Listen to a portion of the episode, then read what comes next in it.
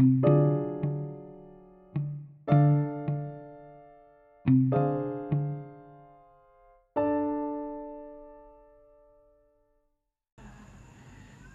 assalamualaikum warahmatullahi wabarakatuh. Waalaikumsalam warahmatullahi wabarakatuh. Baik lagi di podcast Islam itu indah.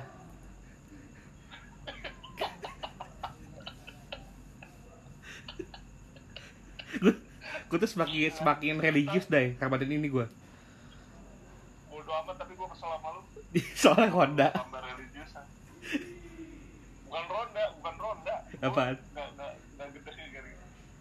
Kita udah tag podcast sampai lima kali, baru sampai tiga episode doang, bangke. Bang.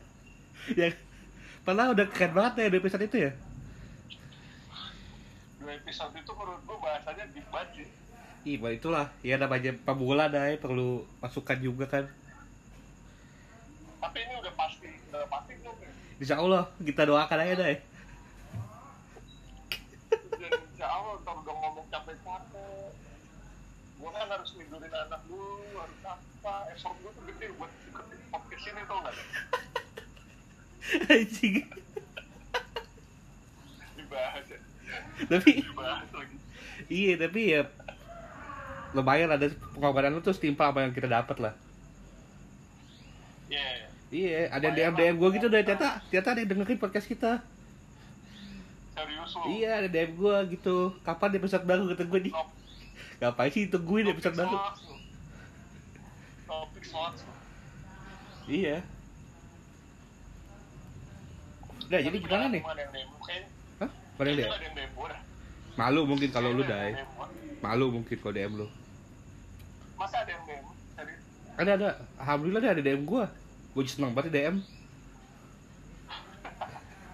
Berarti udah mulai ada penikmat dari turnover podcast ini dah. Berarti kita harus ngasih yang lebih dah. Iya. Pembahasan kita harus lebih serius nih sekarang dah. Mm-mm. Alhamdulillah kan udah ada sponsor juga masuk deh ke kita kan. Oh gitu. Apa tuh? Pertamini kan masih sponsor ke kita. Sama pasti. Oh, Dim sama Adu. pastinya Selalu istimewa. Selalu ada di sama ada. Selalu istimewa. Sama Pertamini lah. Selalu ada. Lagi ada project sama Pertamini. Gua dong.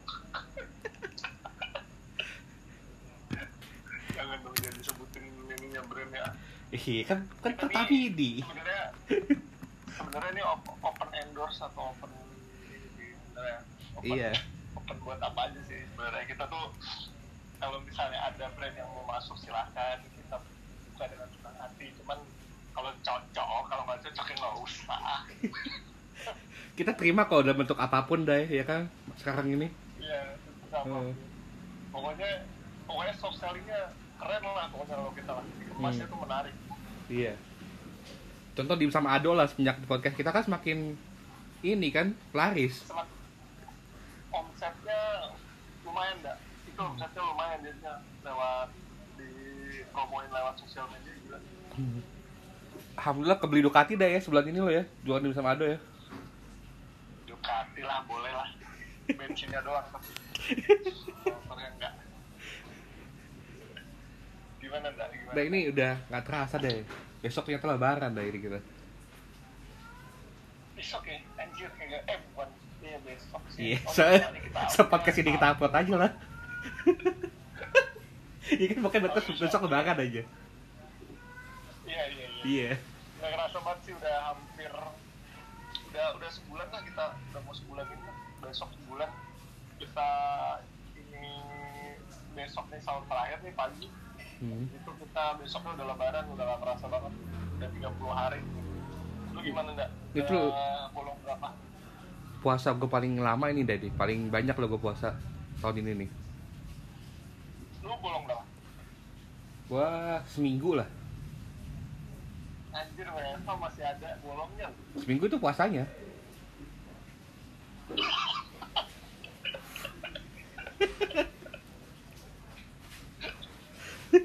Gimana? Nah, gua, tapi ya, tapi emang iya sih nggak gua selama gua di di gua ada kalau beli itu kan gua pas puasa empat terus sekarang Hah. biasanya gua ada aja batalnya sekarang tuh alhamdulillah nggak ada batas sekali alhamdulillah ya kan lu di rumah aja kan Batal yang se- Iya, batal yang secara ini ya makan gitu ya. Cuman kalau yang lain kan gue nggak tahu itu kan udah urusan Tuhan sama gue. Eh, udah udah urusan Tuhan kan nilainya gimana. Iya. Kalau misalnya secara apa ya, secara makan minum gue nggak sama sekali. Eh, Ada ada bagusnya juga nih. Selama WFH ini terus pas puasa ini lo ngerasanya gimana enggak? Lebih lebih gimana nih? lebih nyaman tidur deh Biasanya susah ya? biasanya kan harus kegiatan kan kayak tidur jam Ah. 6 bangun-bangun jam 12 kan harus keluar gitu kan sekarang bisa bangun jam 6 lagi panjang gitu. iya tidur jam 6 bangun jam 6 Gila sih. Parah nih pas kalau apa puasa kali ini nggak berasa banget emang waktu sih. Gila. Gua apa nggak inget hari lu gua kadang-kadang. itu tau udah Terus minggu apa- lagi ya Iya, tau-tau udah minggu lagi udah wah gila sini kalau gini terus sih nggak nggak beres lama-lama gue. Terus terus eh, apa namanya jadi gue justru jadi lebih konsumtif enggak hmm? puasa ini jadi lebih konsumtif karena gue di rumah terus kan. lu Biasanya belanja online mulu ya Apa? belanja online mulu konsumtif Iya, iya lebih konsumtif sama ya pastinya karena adanya ya pasti online kan uh, e-commerce kan lagi semua kan marketplace lagi apa namanya promo semua. Jadinya aduh gila ngeliat barang dikit kayaknya oke nih, kayaknya oke. Padahal waktunya nabung sebenarnya. Hmm. masih perlu nabung Iya deh sih. dimsum laris begitu malu waktunya foya-foya kali ini. Iya enggak juga sih. Paling gue gue tuh gue tuh jualan itu tuh buat hobi aja sih dah. hobi gue yang gue kan hobinya kan dagang. Eh, gue kayaknya pas itu laku dengan ya kalau misalnya di, di, ukur untungnya sebenarnya nggak terlalu gimana gimana. Cuman gue seneng aja jalannya. Jadi ya udah jalan itu aja. Sebenarnya nggak begitu gede juga marginnya gitu. Tapi kan orang tahu dimsum lu laku nih ini ya. Ya kan? Nih berarti kan lu ntar pas hari Iya. H lebaran nih bakal dipalak THR nih iya itu dia. Iya kan? itu padahal kan Enak. orang nggak tahu lu sebenarnya nggak dapat THR eh dapet tuh lu dapat akhirnya? Alhamdulillah dapet. Oh, belum gue follow Jadi up. kemarin kemarin tuh gue eh, ngecek rekening ternyata masuk tuh duit THR alhamdulillah. Anjing langsung rekening gendut ya? Ya iya, dulu dapetnya sih THR THR full dah deh Kenapa? THR full? Full, alhamdulillah. Gue juga dapat THR dari dari dua minggu lalu THR turun nih. Nah, cuman gajiannya telat kan anjing. Apa yang belanjanya? THR eh gajiannya. THR udah cair nih dua minggu lalu. Cuman gajiannya belum cair. Oh, gue masih belum. Lu emang harusnya tanggal berapa? Gajian? 25 kan harusnya Oh, kalau gue 28 Iya, harusnya kan hari ini harusnya masuk nih, cuman tadi dibilangin katanya lupa, ternyata bank tutup hari ini. Orang finance ya. Oh, udah udah udah pada situ. Iya itu ya. Jadi nih kan perbedaannya kalau misalnya dulu THR ya sama gue ya. THR tuh udah pasti udah jadi barang kalau gue. Kalau gue ya Dulu itu barang, kita sekarang kita ngarepin dapat kan, sekarang kita berarti tugasnya ngasih. Iya, iya tugasnya ngasih dan itu ya sebenarnya jadi suatu kewajiban ya nggak sih kalau sekarang kita udah udah kerja jadi suatu kewajiban ya sih sampai itu buat ponakan-ponakan buat yang Iya, kadang emang bukan kewajiban juga, kadang nggak enak juga sih kalau nggak ngasih gitu deh. Terutama ke iya ke saudara-saudara yang dulu bokapnya sama kita ngasih waktu kita kecil. iya iya iya benar-benar tuh kayaknya kalau nggak yakin dia tuh kayaknya aduh, lu bokapnya nih baik banget sama gua cuman kayak nggak ada timbal baliknya ah gua kasih deh gitu kan Iya. Betul lu emang nyiapin dah ya setiap tahun tuh duit-duit kecil ya. nukerin iya, duit gitu ya? Kebetulan iya kebetulan bini gue kerja di bank. Hmm. jadi itu lebih enak sekarang. Jadi nggak nggak harus nukerin di pinggir jalan yang seratus ribu ada ada sepuluh ribu tuh. Nggak- yang inang-inang gitu kan? Sih- iya jadi wah gila sih. Gua apa namanya punya istri yang kerja di bank tuh enak banget. Jadi gua mau nuker berapa aja bisa dan tiap hari juga bisa nukerin. Jadinya alhamdulillah. Berarti kan budget lu budget lu kan 100 juta ya buat lebaran kan tuh buat ngasih-ngasih orang. Berarti lu nukerin pecahan 20 ribu 100 juta tuh lumayan dah itu. 100 juta. Ya mendingin beli tanah berarti kalau THR lu 100 juta berarti kekayaan lu tuh lebih dari segitu dah tapi tapi kalau nggak pas maksudnya gini loh kalau menurut gue ya kalau misalnya buat ngasih tuh minimal kalau gue sebenarnya punya patokan ya ya. Kalau misalnya THR gue terus misalnya THR gue tuh kali misalnya gue berarti eh, maksimal ngasih tuh 30 persen Ah, berarti berapa tuh? sisanya bisa jadi kan eh, lima ratus sejuta lima ratus loh sejuta lima ratus tuh buat gue gitu. Kalau Hmm. misalnya itu maksimal ya itu maksimal. Dan apa namanya tergantung kondisi juga nih kalau misalnya kondisinya lagi bagus ya bisa 30 persen. Kalau kayak gini kan ya nggak mungkin lah kalau bisa. Kalau gini gini lah iya nggak sih? Tapi kan dimsum lu laku ya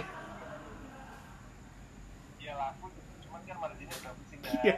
Itu aja deh gua. ya gua kan orang luar nggak tahu hitung hitungan gua cuma tahu lu terlihat mewah nih di sosial media. Bisa ada ponakan lu gitu deh ketemu lu masa Adi cuma ngasih goceng gitu Nggak goceng juga dong. Lu kan kalau lu biasanya ngasih berapa? gua sadar dompet gua aja nggak gua nggak pernah nuker nukerin duit sih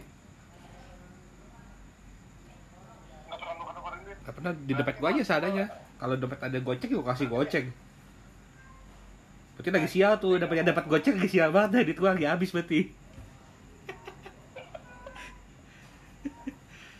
Lu tapi nggak emang nggak nggak ada gua kadang emang di keluarga gue yang di bawah gua gitu dikit orangnya eh iya. Oh lu nggak keluarga besar ya? besar cuman yang ya gua masuk yang paling kecil di antara keluarga gua. Jadi yang di bawah gua tuh paling cuma ada lima orang lah Oh, gitu. Iya nih, kalau gue dah, gue tuh eh, apa namanya keluarga gue kan kalau misalnya gue mudik tuh, waduh, gede banget dah, banyak banget gitu keluarga gue yang dari nyokap, dari bokap, dan kalau lebaran tuh, wah gila sih, itu pada kumpul semua. Ya kalau misalnya ngasih tuh bener-bener bener-bener ya minimal gocap lah kalau ngasih. Makanya tuh budget buat ngasih sebenarnya tuh lumayan gede tuh gua kalau misalnya lagi cuman ya udah itu kan buat kayak timbal balik gua aja pas gua kecil kan dikasih terus sekarang gua harus ngasih ya berarti kan timbal balik aja dah Hmm. yang nyarapin yang gimana gimana loh tapi gitu deh karena gue yang masuk yang kecil gitu ya di keluarga ya. Dulu tuh gue paling banyak dapat waktu gue masih kecil dapat duit THR maksimal tuh dapat kayak dua lah pernah dapat 2 juta gue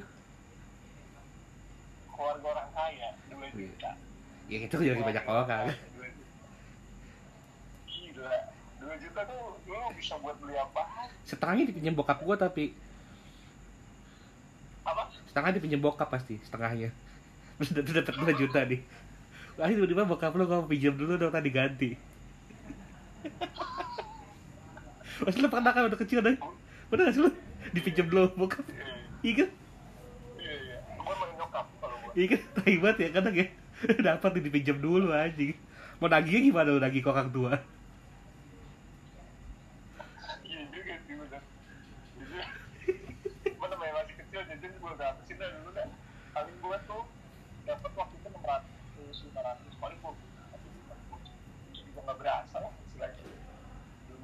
tuh pak seneng banget gua dulu. Langsung gue tau PS tuh main PS. Sepuasnya lu habis itu bener-bener habis buat rental PS doang tuh bang hmm. udah pakai beli PS? Tapi harus rental? Gak dapat duit banyak. Ya namanya masih kecil ya. ya Kepikiran ke situ. PS kan tahunya mahal dulu kan. PS udah jutaan gitu kalau nggak salah. Gue tuh dapat PS ya, harus senat dulu dulu ya sunat ya. Gue juga sunat. Gue PS2 sunat gue PS2 langsung. Gue PS1 gua. sunat PS1 lu? Iya. Ketinggalan dong lu. Gue gue tuh baru bisa beli PS2 terus setelah gue masuk pokoknya setelah gue main basket gue baru bisa beli PS sendiri. Gue awalnya gue nggak pernah dikasih barang yang kayak mewah-mewah gitu kan. Kayak Hmm. misalnya PS gue waktu itu kan gue butuh apa namanya mau main PS dibeliin PS tuh habis itu nah. Habis sudah dibeli PS mainnya boleh sabtu minggu doang tapi emang abis dapet HP langsung langsung mendadak kaya gitu kita deh rasa paling banyak uang kan? Iya, kayak kayak pergi ke Alfamart langsung beli Pringles. Soal soal kalau vitamin kan mahal kan kita beliin Pringles tuh pasti mahal. Iya iya. Makanya punya uang sendiri langsung beli ya Pringles gue iya iya betul sih Iya kan? dulu, kan kalau misalnya kalau kita dapat duit gede dapat duit banyak gitu kita pasti beli sesuatu yang kita eh, nggak bisa beli pas kita lagi nggak ada duit ya kan sih iya pokoknya yang kita minta nggak dibeliin kita beli sendiri Iya, bener. terus terus nggak gue pengen nanya dong ini ya soal mudik dulu nih ada tradisi mudik nggak sih Kak? Gua sumber hidup gua mudik cuma sekali. Ke mana? Ke kampung bokap gua di Bukit Tinggi. Itu Naik mobil udah ya gila pengalaman luar biasa itu. Kayak satu setengah ha- 30 jam lah 30 jaman gitu deh. Deh seharian lebih dong. Lebih kan harus nyebrang dulu kan tuh ke Pulau Sumatera. Iya iya. Naik. Kapal feri tuh nyebrang terus lewatin hutan-hutan deh tapi lu ngerasa esensi mudik lu asik gak sih? Apa lu bosan? waktu itu gua ngerasa seru seru karena jalanan rame kan Seru kan? jalan rame Iya, segala iya. macem terus karena itu pertama kali juga gue pulang kampung tuh gue excited tuh tapi gue nggak rame cuma bokap gue doang jalannya nggak sama keluarga Oh, gue tuh betul kan bokap gue tuh berhenti gitu dari pinggir jalan. Doi nawar monyet deh mau beliin gue monyet. Jadi kan jalan Sumatera itu kan hutan-hutan gitu kan. Kayak ada penjual monyet. Kata gue ngapain sih mau beli monyet? Emang rumah gue taman safari kata gue Doi, doi nawar monyet aja gitu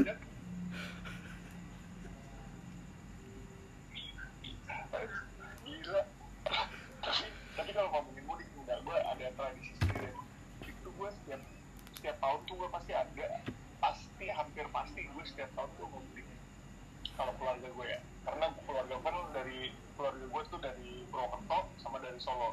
Hmm. Jadi kalau gue dari Jakarta ke Purwokerto dulu nih, di Banyumas gue, di Banyumas hari dua hari baru ke Solo. Itu rasa nggak tahu ya, itu yang hilang pa- pas tahun ini tuh hilang banget gitu. Gue biasanya gue ini nih hari ini biasanya udah nyampe kampung nih kan. Lo emang rutin tiap tahun ya? Hampir tiap tahun hampir.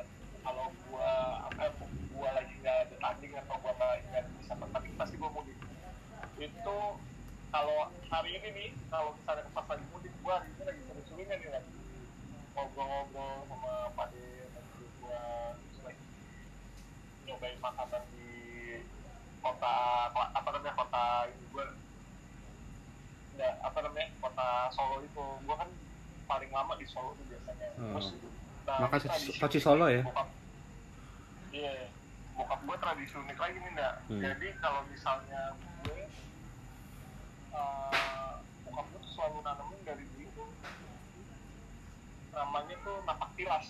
Anjir. Gua- Napak kelas dia waktu kecil gimana gitu? Iya Anjir. Ini sekolah bapak lo waktu bapak kecil gitu. Iya iya. Anjir.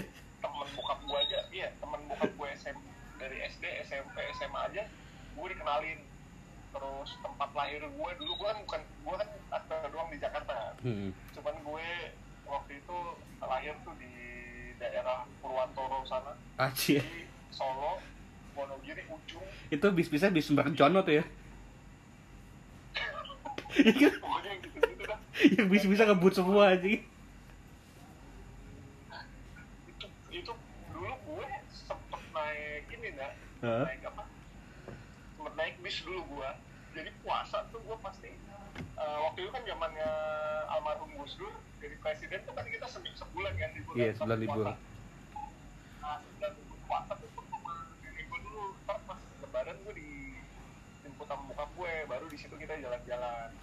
Nah di, di sana tuh wah gila sih gue sampai sampai ziarah ke makam kakek kakek leluhur leluhur gue deh dulu gitu. Gue jadi tahu oh gitu gitu tempatnya jadi tuh sampai sekarang tuh masih nempel karena bokap gue orangnya yang nanemin gini lu kalau misalnya lu silaturahmi sama orang yang masih hidup itu biasa cuman silaturahmi sama orang yang udah meninggal dan kita jarang itu luar biasa mas lu harus eh, lu itu kan kalau silaturahmi kata bokap gue nih memperpanjang umur sama memperbanyak rezeki kan Oh. Nah, alhamdulillah bokap gua nggak maluin itu terus sampai sekarang. Dan alhamdulillah bokap gua tuh dari dulu ya apa namanya siklus hidupnya tuh kelihatan banget gitu nggak gara-gara jaga silaturahmi. Tapi tuh jarak ke makam keluarga kan bukan ke makam Sunan siapa gitu. Gua lah. Gue gue tuh pernah deh. Kayak liburan gitu ke Tanjung Pinang ya. Eh, Liburan. eh, Terus dia diajak ziarah ke makam raja apa gitu. Gue dia orang siapa sih gue kenal kagak kok gue ziarahin gitu gue. tapi itu pasti penting. Itu pasti ya itu salah satu apa ya si- silaturahmi juga sih enggak Tapi bagus juga sih kita tapi gak tau gue esensinya apa sih ini. Bokap gue ngajak ke sini. orang- yang aja. Orang dia ke makam ke makam kakek gue jadi jarang. Tiba-tiba gue ajak ke makam raja kata gue. Kata gue apa nyari apa bokap gue ngetek pesugihan kata gue ya.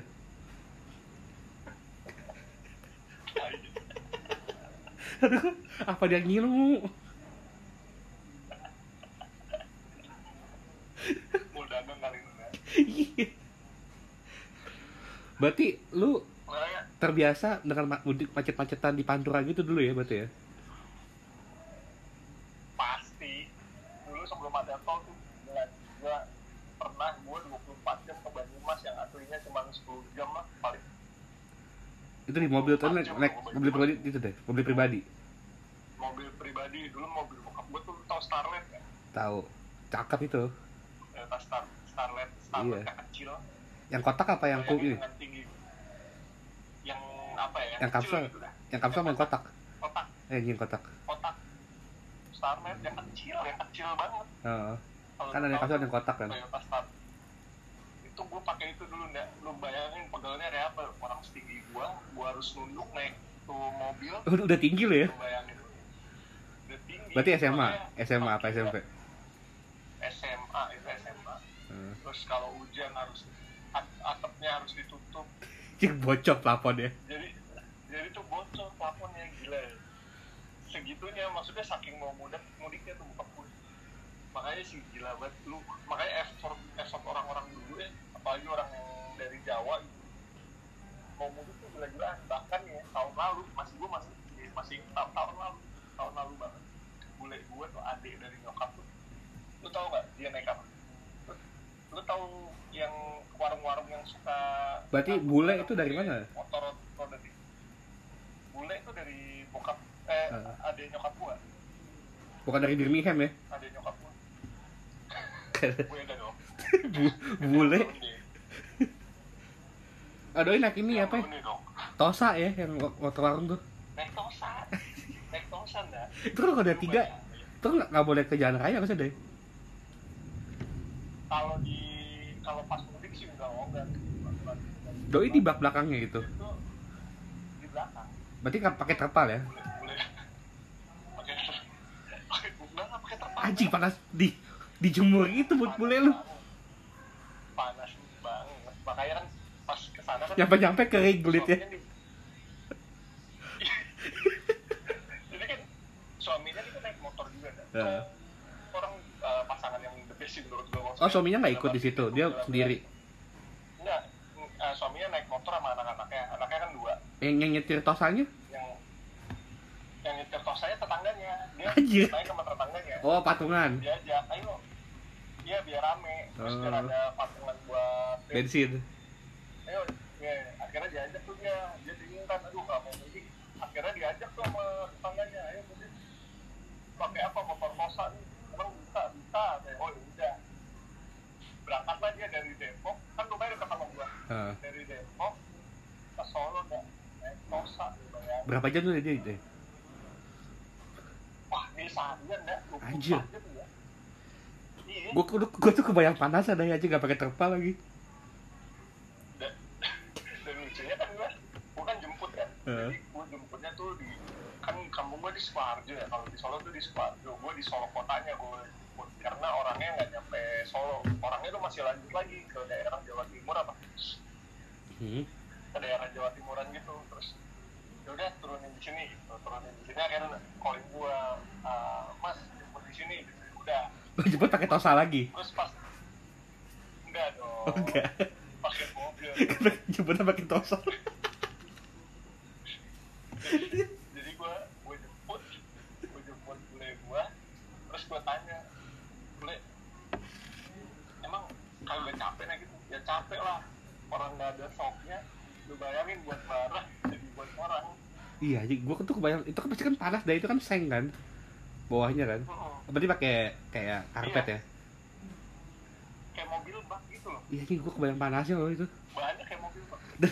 Dan malunya itu pasti pasti diliatin dah ya sama orang. Macet gitu kan pasti ada yang mobil ngeliatin dia orang ngapain sih mudik pakai tosa eh itu pakai tosa menurut gue masih gini ya masih apa namanya istilahnya kalau tosa kan mo- motornya motornya baru lah gitu kan. Eh. tosa kan baru keluaran tahun berapa kan palingnya Iya. 2010 ke atas kan.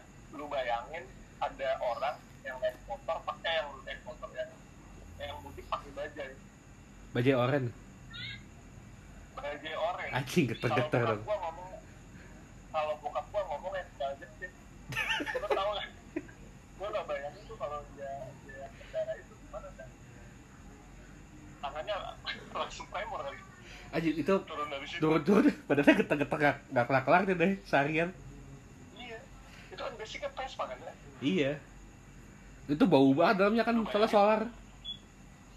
Iya solar. Rorok-rorok gitu bunyinya.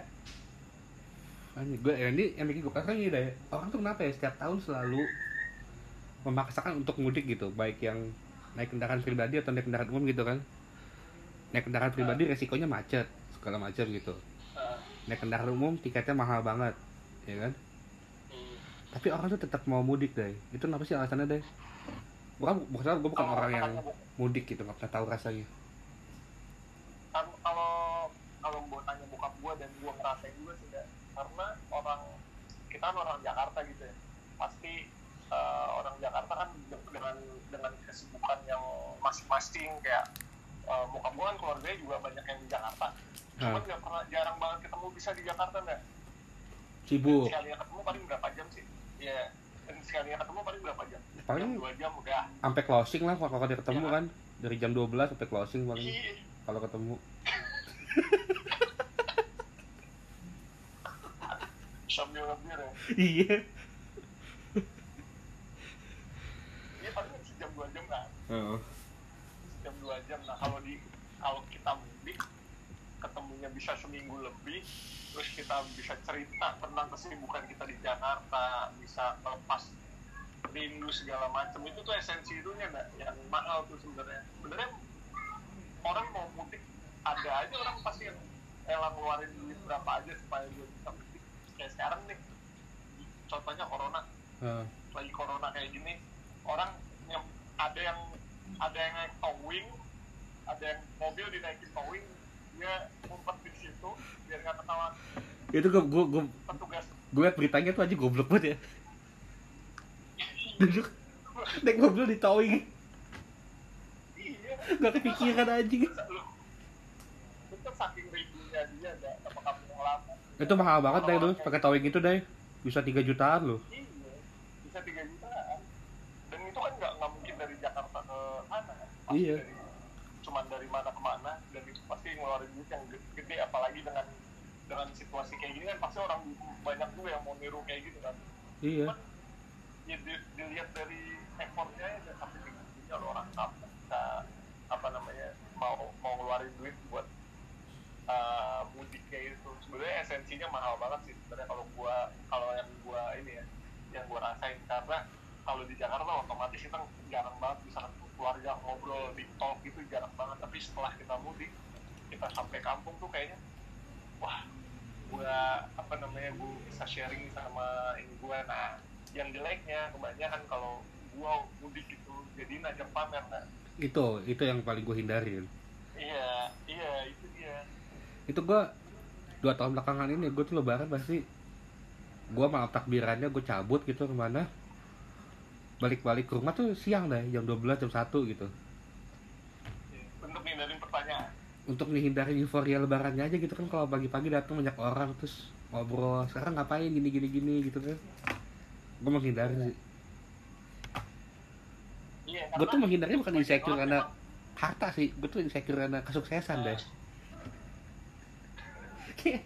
Ada aja gitu saudara yang punya karir lebih bagus gitu kayak gue gue kok gini-gini aja kan iya iya paham paham paham.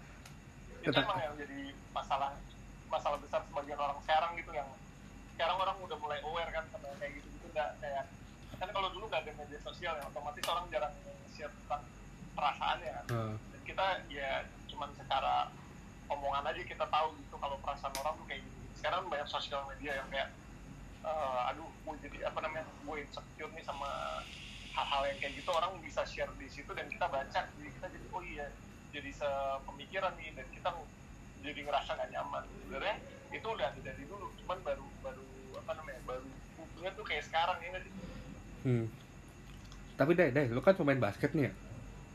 Nah, lu kalau ketemu saudara pasti saudara lu ngomong nanyanya apa deh deh gimana musik kemarin? Kalau gagal juara sih? Nanya gitu gak alhamdulillah eh, saudara gue tuh nggak ada nggak ada yang ngikutin sampai segitu ya kan oh kan yang tahu gimana karir lu gitu ya tahu dia taunya gue main udah udah pernah timnas gitu gitu doang sih taunya. Jadi mereka taunya yang bagus-bagusnya aja. Hmm. dia kan nggak pernah ngomong bego banget tuh deh lu nggak bisa jagain lohor gitu. Nggak nggak pernah. Nggak pernah. Makanya kalau kalau mereka tahu itu gue sama kayak lu juga. Males ya? Males.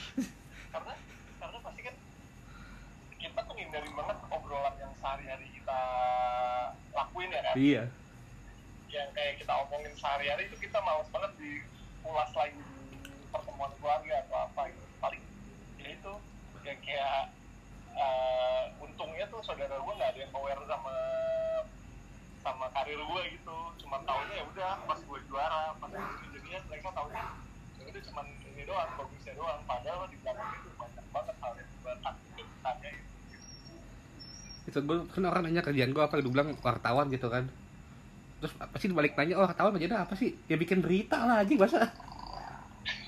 Masa? Nyangkul kata gue namanya wartawan pasti bikin berita. Sebenarnya sebenarnya bahasa basi yang sih kan itu tapi kan malas. Bahasa basi doang tapi kan malas malas gitu dan agak pindah. Kan lu kan tahu kerjaan gue pasti bikin berita. Masa pasti tanya iya iya iya. Atau kan gini deh lu pernah nggak ditanya sama saudara lu di ada lowongan kali di PJ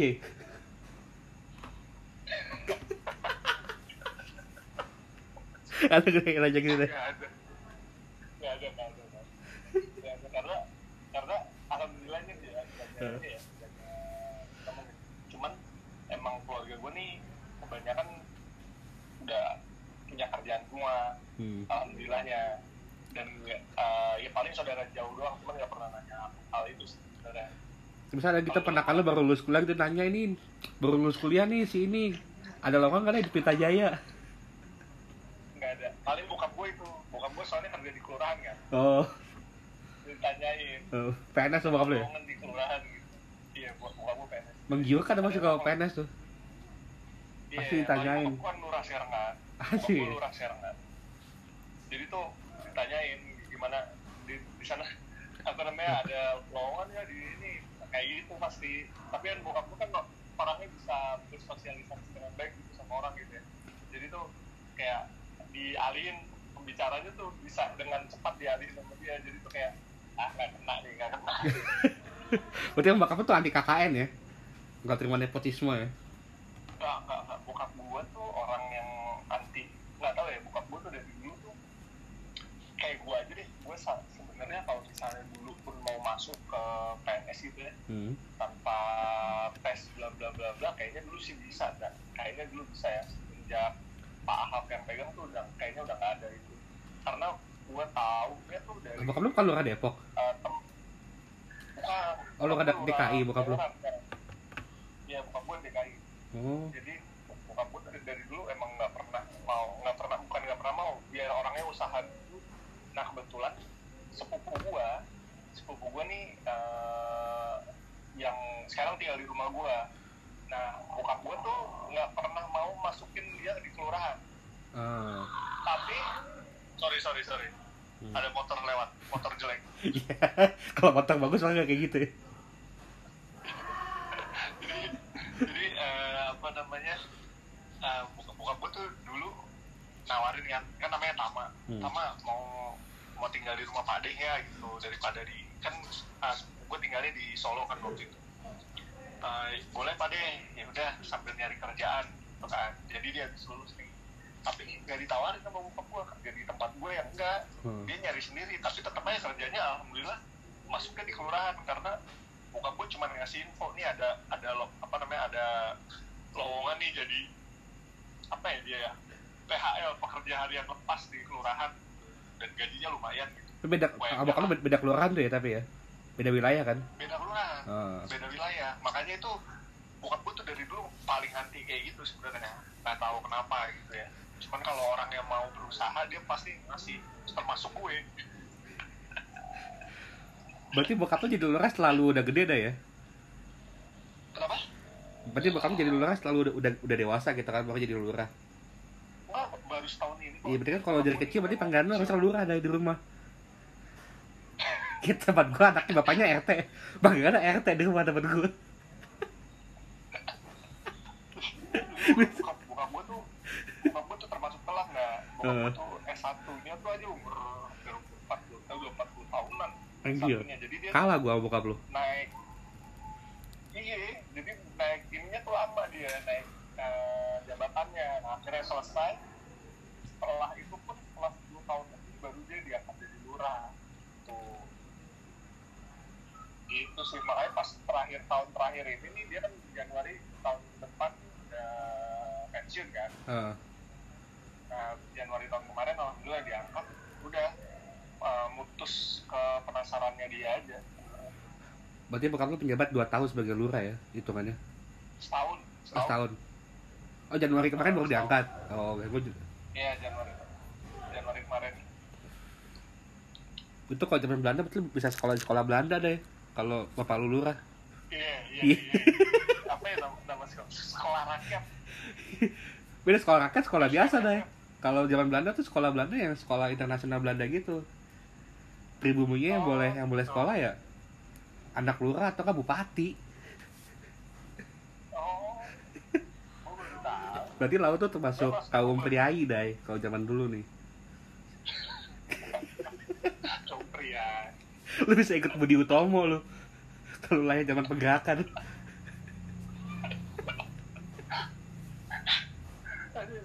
Ya, ngomongin lebaran seru sih. Pasti seru lah. Ininya ya apa eh, esensinya. Tapi tahun ini kita nggak bisa dapet gue tuh ngerasain seru sekali itu yang gue pulang kampung itu sehari tuh sekali itu ya seumur hidup gue itu Ya, ada acara sayang gitu loh.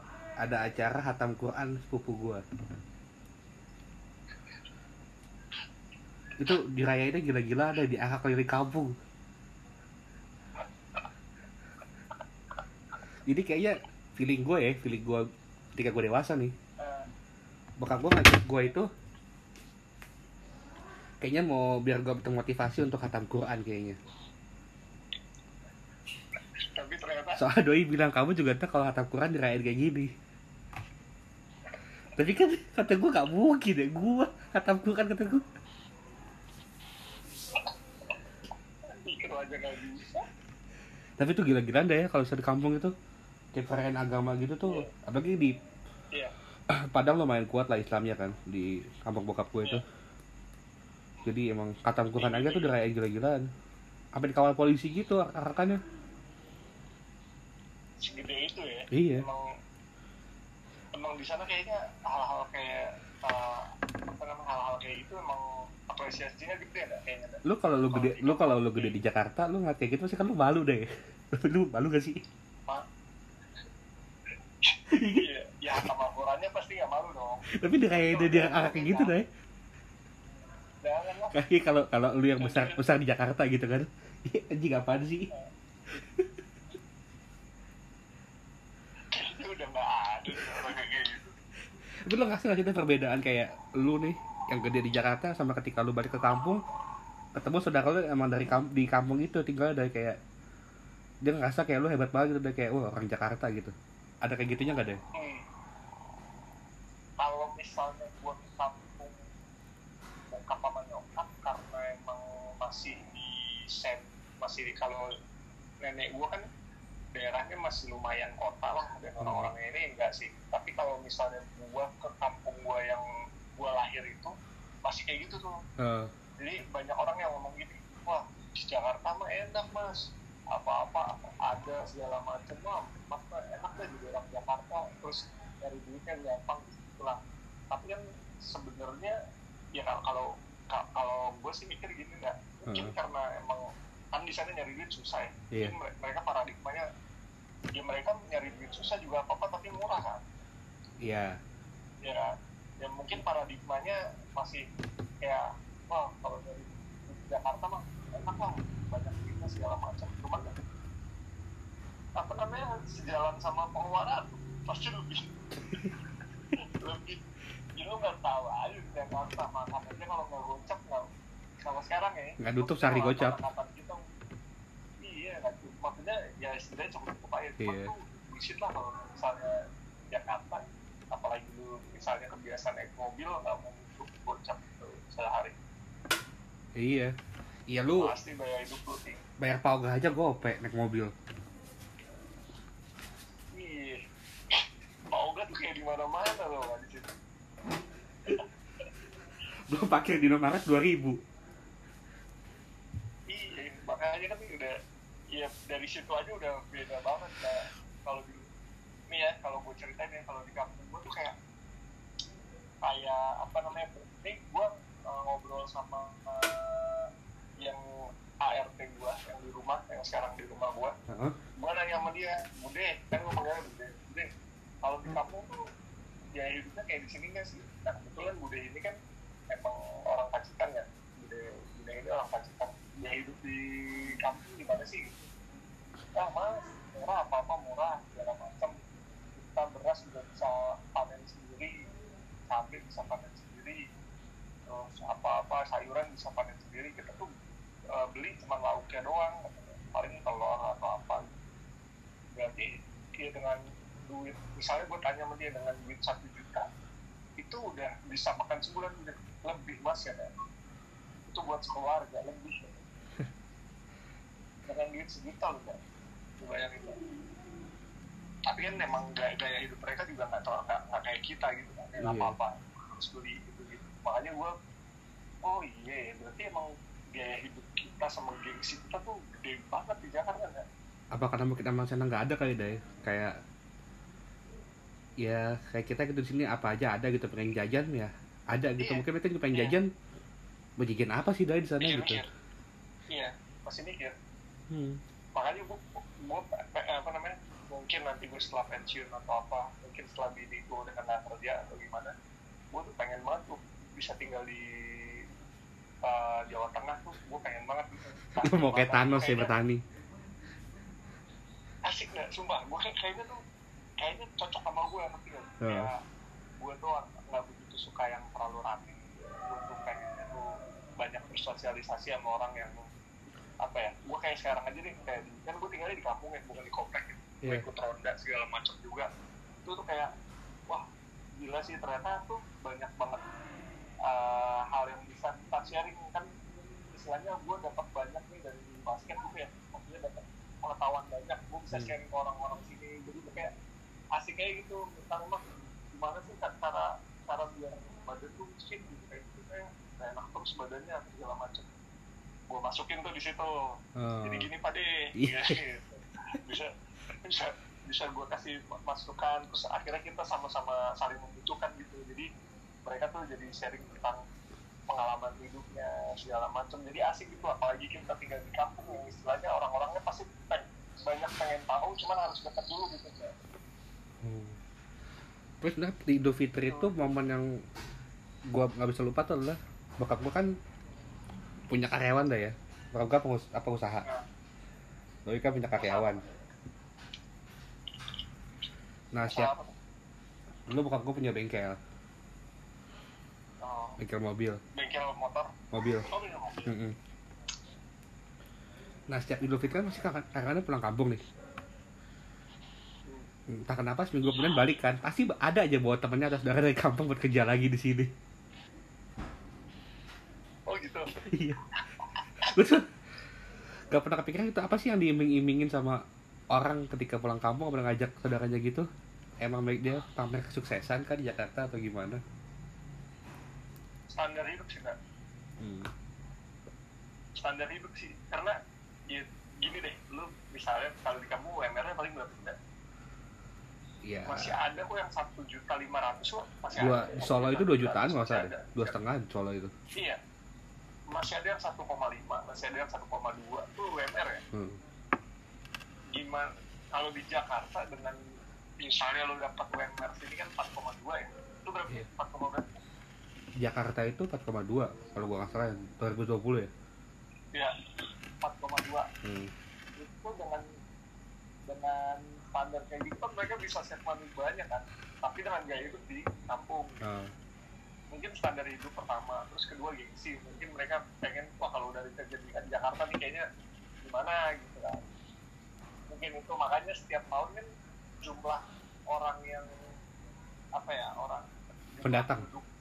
di pendatang di Jakarta meningkat terus kan Hmm. itu jadi salah satu alasan sih menurut gua emang berarti memang standar di Jakarta tuh tinggi gitu enggak dan mereka dapetnya juga tinggi gitu makanya mereka punya apa ya punya keinginan untuk kerja di Jakarta gitu kalau gua kalau gua pemikiran gua sih seperti itu Merantau gitu modal nekat ya.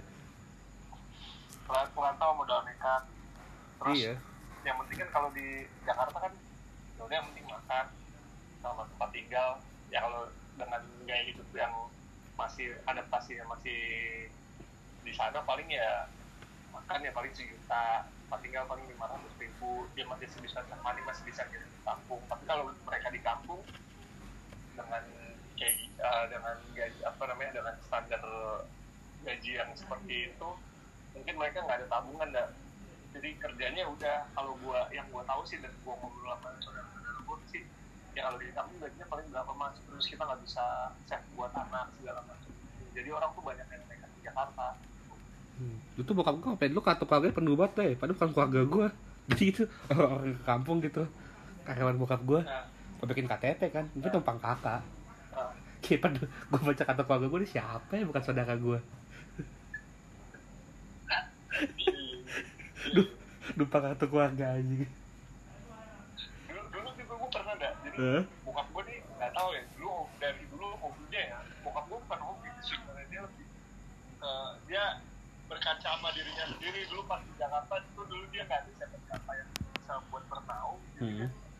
banyak banget bukan banyak sih ada beberapa saudara atau gua yang ikut akhirnya ikut bokap gua dari di rumah aja gitu jadi bantuin di rumah bantuin masak segala macam akhirnya mereka uh, bisa mandiri di Jakarta sendiri. Sekarang ada yang dagang ada yang nikah segala macam udah udah istilahnya udah punya penghasilan sendiri. Akhirnya udah lepas dari bokap gua. Dan sekarang itu yang terjadi sama sepupu gua juga. Akhirnya tinggal di gua dia kerja sendiri. Sampai mungkin nanti dia nikah kayak gitu. Makanya ya sebenarnya kalau orang yang tinggal di kampung terus ke Jakarta gitu ya itu memperbaiki kehidupan aja sih sebenarnya nggak daripada gue di kampung nih gue dengan penghasilan segini gue cuma bebanin orang tua gue keluar gue nggak bebanin orang tua di rumah jadi apa ya eh, mereka masak nasinya juga nggak terlalu banyak jadi kan Hmm. lebih irit tuh udah terus otomatis eh, ngaruh ke listrik segala macam mereka juga pemakaian yang banyak jadi ya udahlah gue lepas dari kampung jadi gue masih bisa ngirimin ke kampung gitu dah malah gue Hmm. bisa ngasih banyak gue bebanin orang tua malah itu kalau gue kalau gue yang gue gue ngobrol ya saudara-saudara gue banyak Ya, berarti kalau misalnya semisal nggak ada corona nih deh ya? Nah, lo tetap akan mudik nih dengan apa kondisi lo baru punya anak gitu kan ada baim. Sangat sangat mungkin karena nenek gue belum pernah ngeliat balik kan Ih, serius lo? Lo pernah ke Jakarta, Doi? iya. Nenek gue kan udah umurnya udah 70-an udah rentalan dan Hmm. udah istilahnya udah udah uh, mau jalan juga udah udah inilah udah terbatas gitu perjalanannya Hmm. jadi mau ke Jakarta juga susah terus mau, mau ke Jakarta juga dianya juga suruh naik pesawat nggak mau kalau naik bis juga jauh kan kasihan Oh, JNE deh? Naik JNE? pun ya naik JNE pakai TS dong Iya, sehari sampai. Iya gitu makanya kasihan kan nenek gue belum lihat baik Lo lo rencana naik mobil deh, deh. Kalau jalan apa mudik lo akan naik mobil juga tuh sama baim. Eh, iya bakal naik mobil juga sih gua Oh, jadi gak bareng repot ya? naik mobil karena gua kan sekarang harus kedua keluarga kan ke Hmm. keluarga gua sama ke keluarganya istri gua jadi nggak mungkin cuma satu rute doang kalau terbang kan satu rute dan rute selanjutnya itu ke Cirebon kan gua Dan Eh, sebelum Cirebon ya? Pesawatnya susah. Hmm, kosnya juga mahal banget kalau naik pesawat, Pesawat. pasti naik pesawat tuh lebih mahal. Jadi gua antisipasi ya naik mobil lah. Kan sekarang ada tol nih. Hmm. kemarin gua naik mobil tahun lalu tuh cuman itu pakai istirahat ya. Pakai istirahat tuh tiga jam buat tidur. Terus lanjut lagi tuh 12 jam doang gua ke Solo Anjir. Gokil ya. jadi apa namanya? Ya gua kan pasti naik mobil pasti Naik motor Beda. belum pernah deh ya? ngobrol dulu pernah sama bokap nyokap cuman gua nyampe Bekasi gua balik lagi ke Kenapa? Kenapa sih? kayak gua kata bokap gua kan gua masih kecil kan gua masih gua masih kecil Eh, gua masih kecil banget waktu itu terus Lu boti itu? pas nyampe Bekasi apa Boti, apa tuh bonceng tiga. Iya bojeng tiga gua. Lu di tanki, apa tuh? Ceki eh duduk-duduk di tangki. eh gua nggak tahu. Kayaknya tangki deh. Soalnya motor bokap gua motor lagi. Jadi ya Eh. kayaknya gitu. Terus Anjir. pas nyampe Bekasi tuh gua udah nangis nangis pulang capek. Ah udah akhirnya gue akhirnya udah bokap gua ah anak rela banget. Ya udahlah gua pulang aja pulang. Akhirnya balik lagi kayak jadi mudik. Akhirnya naik bis Lalu oh, balik, baliknya sama orang tua lu nggak sendirian kan? enggak enggak Bagi lu taruh di stasiun Bekasi suruh balik naik kereta. gua masih tiga tahun waktu itu nggak kalau nggak salah Anjir kecil banget. Iya Hmm. jadi gue tuh diikat diikat pakai jari gitu pakai kain gitu gue duduk di depan jadi gitu jadi nggak ke mana-mana kan Gua- itu dulu tuh saking emang mau mudiknya emang dari dulu tuh keluarga gue udah identik banget sama mudik dari dulu. nah Iya. kalau nah ini gue pengen nanya nih kalau lu biasanya kan pasti ada makanan-makanan khas yang di uh, masak sama keluarga lu biasanya keluarga lu masak apa sih kalau lebaran Standar, semur, ketupat. Terus bebek, cabai hijau. mantep banget Tapi nggak- tapi kenapa gua nggak pernah makan ketupat deh, nggak suka loh gua. Gua sih nyariin nasi gua lebaran. oh Orang nyarinya ketupat kan, gua nyariin makan nasi gua pasti. Kalau udah makan ketupat. tetep ya tetep dengan keseharian lu ya Karena gua nggak suka sayur ketupat. oh Ya kan makan ketupat pakai rendang doang seret kan gak enak kan. enak-enak aja Ya gua kurang sih gue seret gitu deh. Oh kalau gue justru nyari ketupat Iya, karena kan orang jarang ketemu ketupat kita harus nyari ketupat tuh tetap nyari nasi sih. Iya. Nih lu lu wakben ya, yang kalau di kampung nih. Hmm. Kalau di kampung nih Nda, kalau gue lagi mudik nih. Gue misalnya makan tuh eh, di rumah nenek gue di sholat itu makan nih. Terus kan pasti silaturahmi nih ke keluarga lain. Makan lagi, ke tempat lagi. gue tuh makan sehari bisa lima kali Anjir. karena silaturahmi ya kasih makan kan. Silaturahmi pasti dikasih makan ya Hmm. mereka udah nyediain. Pasti kalau misalnya di kampung tuh kayak harus makan pasti. Makan makan makan. Ya udah mau nggak mau makan lagi makan lagi. Makanya kalau di rumah otomatis gue bilang gini sama ini gue kalau di rumah orang pasti disediain opor segala macam kalau di rumah tuh gue pengennya tuh kayak sam- sambal goreng ati gitu gitu aja sebenarnya sambal goreng ati Eh, sama opor pasti ada cuman gue mintanya opor ayam kampung gitu gitu rendang gue nggak pernah tuh kalau rendang tuh keluarga gue jarang banget masak rendang. Hmm. paling eh, apa namanya sayur-sayuran gitu-gitu. Jadi udah yang nggak ada di rumah orang tuh gue masak di rumah. Jadi kan dari rumah opor lagi opor lagi jadi bosan hari opor kalau gue tuh paling paling suka tuh cookies ya deh kalau kue lebaran tuh eh lebaran tuh kue kue keringnya kan. Kastengel nastar. Iya iya iya. Iya iya itu dulu nenek gue tuh kalau bikin itu entah kenapa enak banget itu deh iya iya iya iya. so doi doi pakai wis pakai wisman butter gitu kan. Mentega pakai wisman butter. Rasanya tuh lebih gurih gitu. Iya iya. Tapi entah kenapa berapa Iya, tahun iya. belakang sih doi bikin agak kurang ya. Kayak udah tua sih udah lupa cara bikin kue.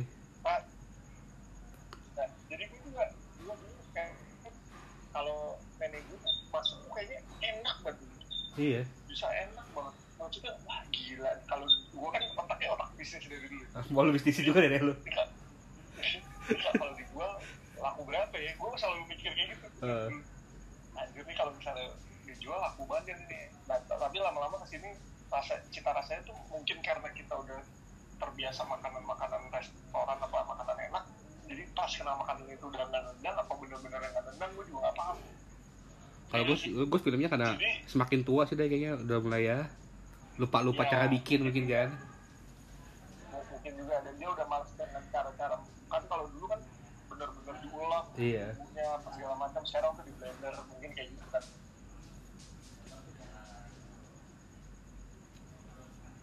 Berarti lu bener-bener kalau kampung tuh full tiga hari lebaran baru balik ke Jakarta lagi gitu deh ya Bu- bukan tiga hari enggak gue bisa tujuh hari bisa sepuluh hari gue di anjir. gila ya. iya. Ya, lu emang kesibukan lu emang gak ada sih ya kan kalau pasti kan off kompetisi kan kalau lebaran. Iya dan Hmm. kebiasaan emang dari dulu kayak gitu enggak kalau gue emang emang eh, kebiasaan dari dulu sebelum gue basket. Gue bisa sepuluh hari bisa dua minggu di kampung. Balik-balik gemuk ya? Balik-balik gemuk udah nggak bisa apa balik-balik miskin gak gak punya duit. Justru banyak lah. Kalau dulu kalau sekarang enggak eh iya kalau ngomongin kayak gitu lu bayangin ya orang kumpulin duit buat lebaran lo enggak hmm. ada lu kayak gitu. Ada ada. Biasanya ya ada lu yang ya emang niatnya untuk habis pas lebaran emang niat tujuannya kan? Iya. Iya dan aduh hampir semua kan dulu gue punya karyawan juga ya. Karyawan yang apa namanya yang di barber gua dulu Hmm. yang barber boy itu. Itu juga kayak gitu kan jadi dia sama gua nih misalnya eh, kan waktu itu pokoknya bulan-bulan biasa tuh dia nggak ngambil gajinya. Hmm. emang dikumpulin? Gajinya dikumpulin ke gua. "Ah, mas kumpulin aja gajinya di mas Adi oh ya udah gua kumpulin kumpulin. Anjir pas gua pas menjelang lebaran udah bayar THR bayar duit gaji bayar berapa puluh juta Terus selama ini lo katanya tuh duit dia yang yang, yang ditahan iya.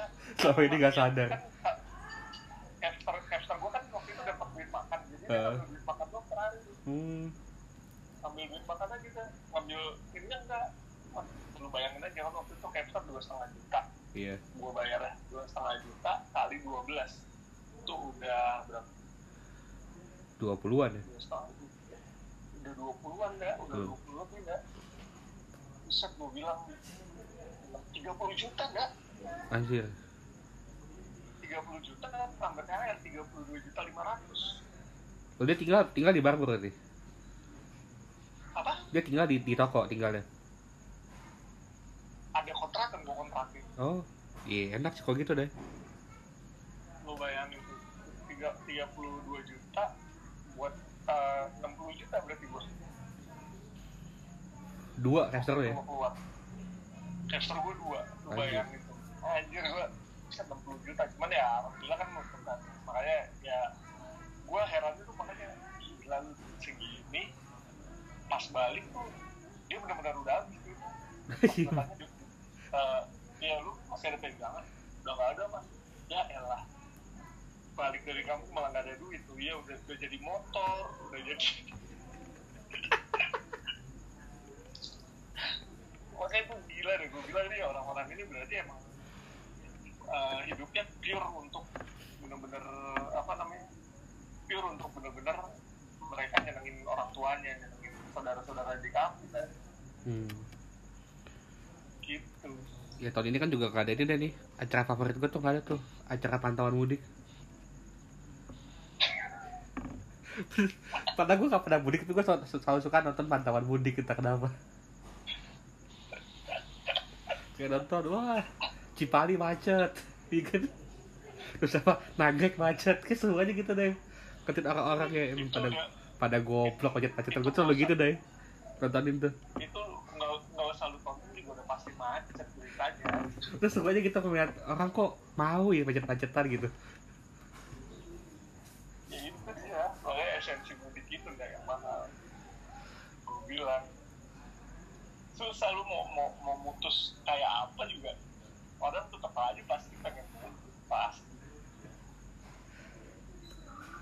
Ingin ketemu dengan keluarga ya intinya tuh suatu rahmi ya nanti juga pas lebaran juga caranya udah beda nih orang-orang juga pasti udah nggak apa namanya udah nggak ketemu ketemuan pasti pasti cuma ya WhatsApp paling ya deket-deket aja. Ya semoga gua kalau gue udah nikah ya gue nikah kayak mudik ke Jepang deh kenapa tuh iya istri gue ke Jepang. Istri gue sih suka. Oh, iya, lu jayan ya? Gimana ya? Orang kayak yang mudiknya ke Eropa gitu deh. Tekor gue tahun kali ya. Punya- istri orang Belanda gitu. kalau mudik ke Belanda. Sulit sulit banget sulit sulit banget aja kalau mudik harus ke Eropa Ah. makanya bersyukur lu yang masih bisa apa namanya masih bisa menikmati mudik. Nah, masih bisa menikmati lebaran walaupun tanpa mudik ya tahun ini cuman alhamdulillah dipertemukan dengan lebaran lagi kayak gitu sih. Lebih ke positif aja nerimanya sekarang walaupun dari sini tetap bisa silaturahmi walaupun sekarang lewat video call WA ya kan Isi untungnya kalau kayak lu gini kan masih bisa bawa keluarga gitu kan ada juga tuh yang pemain-main Amarta tuh Hang tua iya lebarannya di mes deh pada nggak Iya. bisa pulang kan keluarganya nggak di sini iya iya juga Iya. kita harus kasih support mereka lah ya lebaran kali ini Iya, iya, iya. Pokoknya yang nggak bisa mudik atau nggak bisa berkumpul keluarga dan menikmati lah masih ada waktu lain. Kan akhir tahun nih pasti liburnya diperpanjang nih karena karena bini gue kan Hmm. BUMN kan nggak bisa nggak bisa ini kan hari Selasa dia masuk malah iya bang masuk. soalnya kan Selasa depan banggaan jadi liburannya diganti akhir tahun dan kecil hati lah pokoknya kita masih bisa kok mudik di lain kesempatan akhir Tapi tahun mudik ke Bali lah ya kan Iya. Yoi. Sobat liburan itu. Belum ngajak bayi liburan kan. Bayu kan pengen ke Meksiko lah Apa Vela dong. iya apa ke Potato Head Anjir. Anak gaul banget. iya harus Bayu dijaga sejak dini Ya. Udah deh gitu ya ya. iya nih Podcast hari ini pokoknya ya pokoknya buat teman-teman sehat selalu tetap patuh sama PSBB-nya semoga nggak ada hal-hal yang tidak diinginkan terjadi. Pokoknya tetap semangat terus. Yang belum bisa nyari duit sampai sekarang mudah-mudahan dikasih rezeki yang banyak. Hmm. kayak Panda juga jurnalis nggak bisa nyari berita mudah-mudahan ada Iya. berita. Apalagi sekarang banyak banget yang orang yang sampai dari keperawanannya Tayo bangsat Gak jelas, gak jelas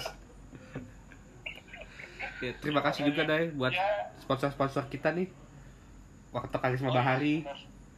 yang udah menopang hidup gua selama puasa ini. Iya. Iya. Yang bisa menyediakan makanan segar di sahur. Terima Iya. kasih warung Bahari warteg bahari di siang hari itu mereka menyediakan deh iya. Iya. Itu warteg ada tidur itu. Terima kasih juga udah uh, teh kotak. Ih, yang sudah mensponsori yang sudah mensegarkan uh, bukaku semoga dengan teh kotak kita bisa sehat selalu.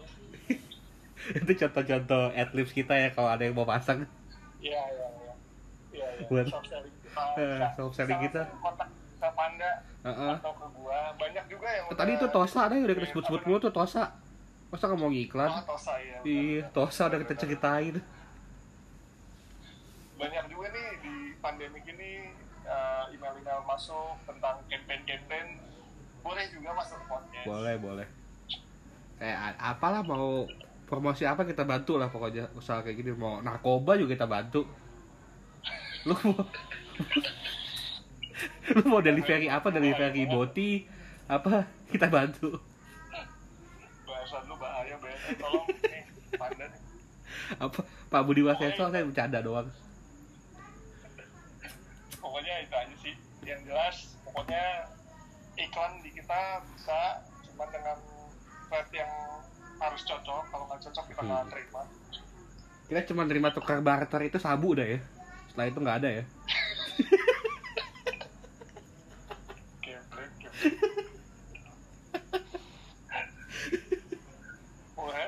Pokoknya, ya udah gitu aja dah. iya Lu mah tambah malam tambah bahaya. ya udah tetap tontonin kita semoga ya masih jelek mungkin kualitas audionya ya tapi ya kita berusaha lebih baik lagi nanti Iya, iya, iya. ya podcast uh, episode berapa nih?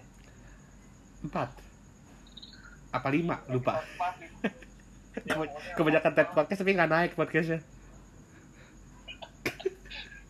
Ya udah. Thank you semuanya. Ya, Episode sampai- 4 out.